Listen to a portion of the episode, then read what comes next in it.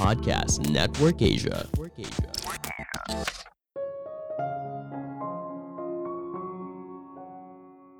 Kamu baru mulai membentuk masa depan yang kamu inginkan dengan mengajukan pertanyaan yang tepat.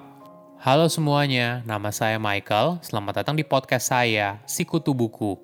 Kali ini saya akan membahas pertanyaan penting apa yang harus kita tanyakan kepada diri kita di masa depan. Ini adalah rangkuman dari TED Talk yang dibawakan oleh Mac J, seorang psikolog klinis yang memiliki spesialisasi pada orang yang berusia 20-an dan diolah dari berbagai sumber. Apakah kamu pernah berpikir tentang dirimu di masa depan? Jika tidak, mayoritas orang juga sama. Hal ini memang tidak mudah, bagaimana membayangkan dirimu di masa depan seperti apa. Namun, ketika kita belajar untuk menutup jarak antara diri kita saat ini dan diri kita di masa depan, maka kita bisa menyelaraskan apa yang kita lakukan sekarang, sehingga bisa mencapai hal besar di masa depan. Sebelum kita mulai, buat kalian yang mau support podcast ini agar terus berkarya, caranya gampang banget. Kalian cukup klik follow.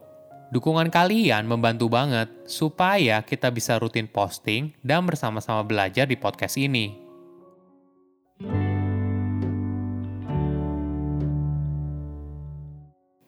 Ketika seorang berusia 20-an, mereka sadar kalau momen itu sangat krusial dalam hidup. Mereka berusaha sebisa mungkin untuk melakukan segalanya dengan benar.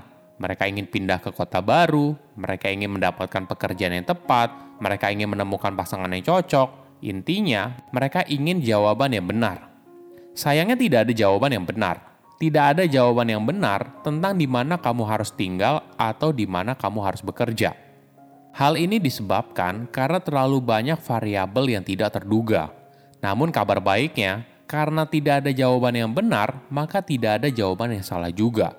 Yang ada hanyalah jawaban saja.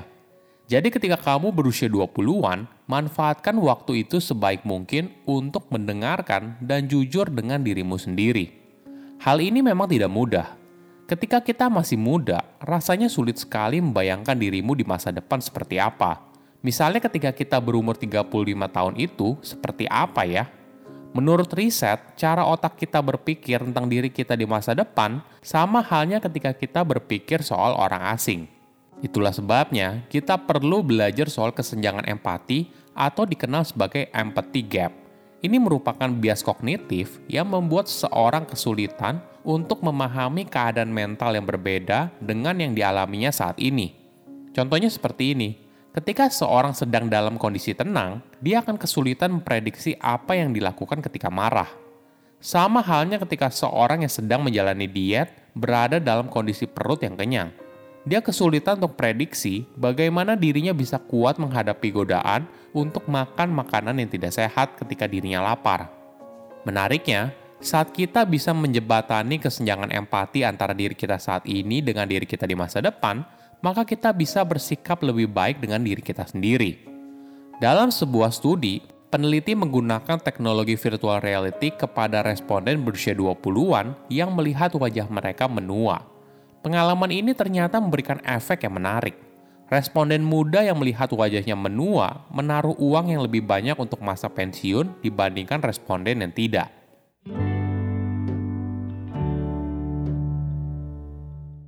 Ada fakta yang menarik. Banyak momen signifikan dalam hidup terjadi ketika seorang berusia 35 tahun. Inilah yang dilakukan oleh Mac. Dia bertanya kepada para kliennya untuk mengimajinasikan diri mereka ketika berusia 35 tahun. Mac bertanya hal yang spesifik. Bagaimana penampilan fisik mereka di masa depan?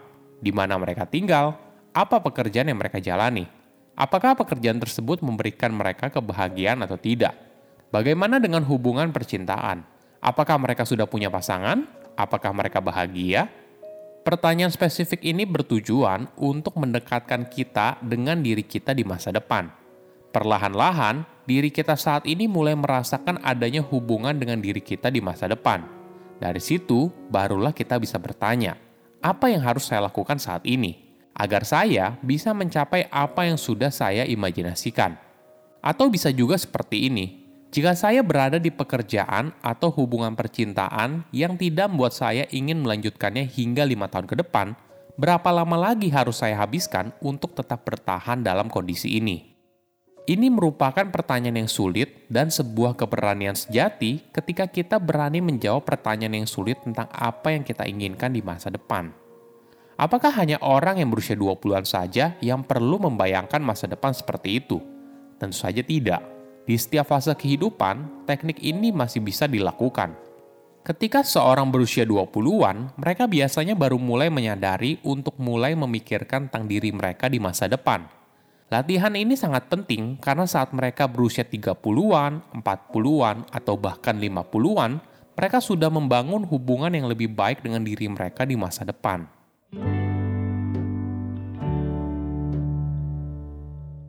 Setelah bertanya soal bagaimana dirimu di masa depan, lalu apa? Apa yang harus kamu lakukan? Pertama, bedakan antara dirimu di masa lalu, saat ini, dan di masa depan kita terbiasa memberikan label pada diri kita sendiri. Entah itu dengan bilang saya seorang introvert, saya tidak pandai bergaul dengan orang lain, dan sebagainya. Ketika kamu memberikan label untuk dirimu sendiri, kamu berhenti mencari alternatif. Perlu kamu sadari, kamu bukanlah orang yang sama dengan dirimu di masa lalu. Kamu tidak melakukan sesuatu dengan cara yang sama seperti dulu. Kamu juga tidak lagi menginginkan hal yang sama dengan apa yang dulu kamu inginkan. Daripada fokus memberikan label pada dirimu sendiri, bagaimana kalau menyadari seberapa jauh kamu telah berkembang dan berubah dari dirimu yang dulu? Kedua, membuat jembatan antara diri kita saat ini dan diri kita di masa depan. Memang betul, kamu yang sekarang dan kamu yang di masa depan adalah dua orang yang berbeda. Namun perlu disadari, dirimu di masa depan tetaplah bagian dari dirimu. Dia bukanlah orang lain yang masa depannya bisa kamu rusak. Coba buat jarak antar dirimu di masa kini dengan dirimu di masa depan semakin dekat.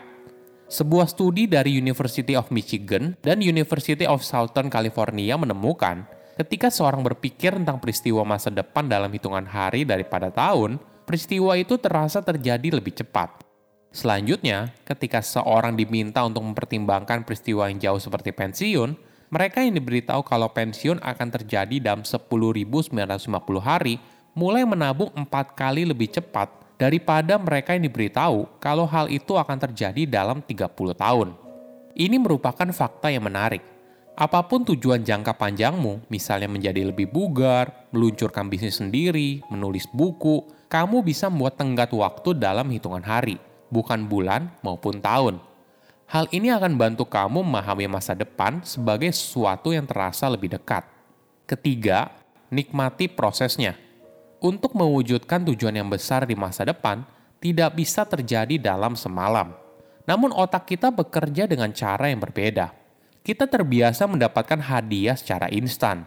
Jadi, ketika kita membuat tujuan yang besar dan hadiahnya masih berada jauh di depan, otak kita kesulitan untuk memproses hal tersebut. Hasilnya, target yang sudah dibuat tidak bisa kita jalankan dengan konsisten. Dalam sebuah penelitian, peneliti bertanya kepada responden secara online tentang tujuan yang mereka tetapkan di awal tahun. Kebanyakan orang menetapkan tujuan untuk mencapai manfaat jangka panjang yang tertunda, seperti kemajuan karir, pembayaran hutang, atau peningkatan kesehatan. Peneliti lalu bertanya, seberapa menyenangkannya dalam mengejar tujuan tersebut, dan seberapa penting tujuan tersebut bagi hidup mereka. Peneliti juga bertanya, apakah para responden masih mengerjakan tujuan tersebut setelah dua bulan menetapkannya. Hasilnya cukup menarik.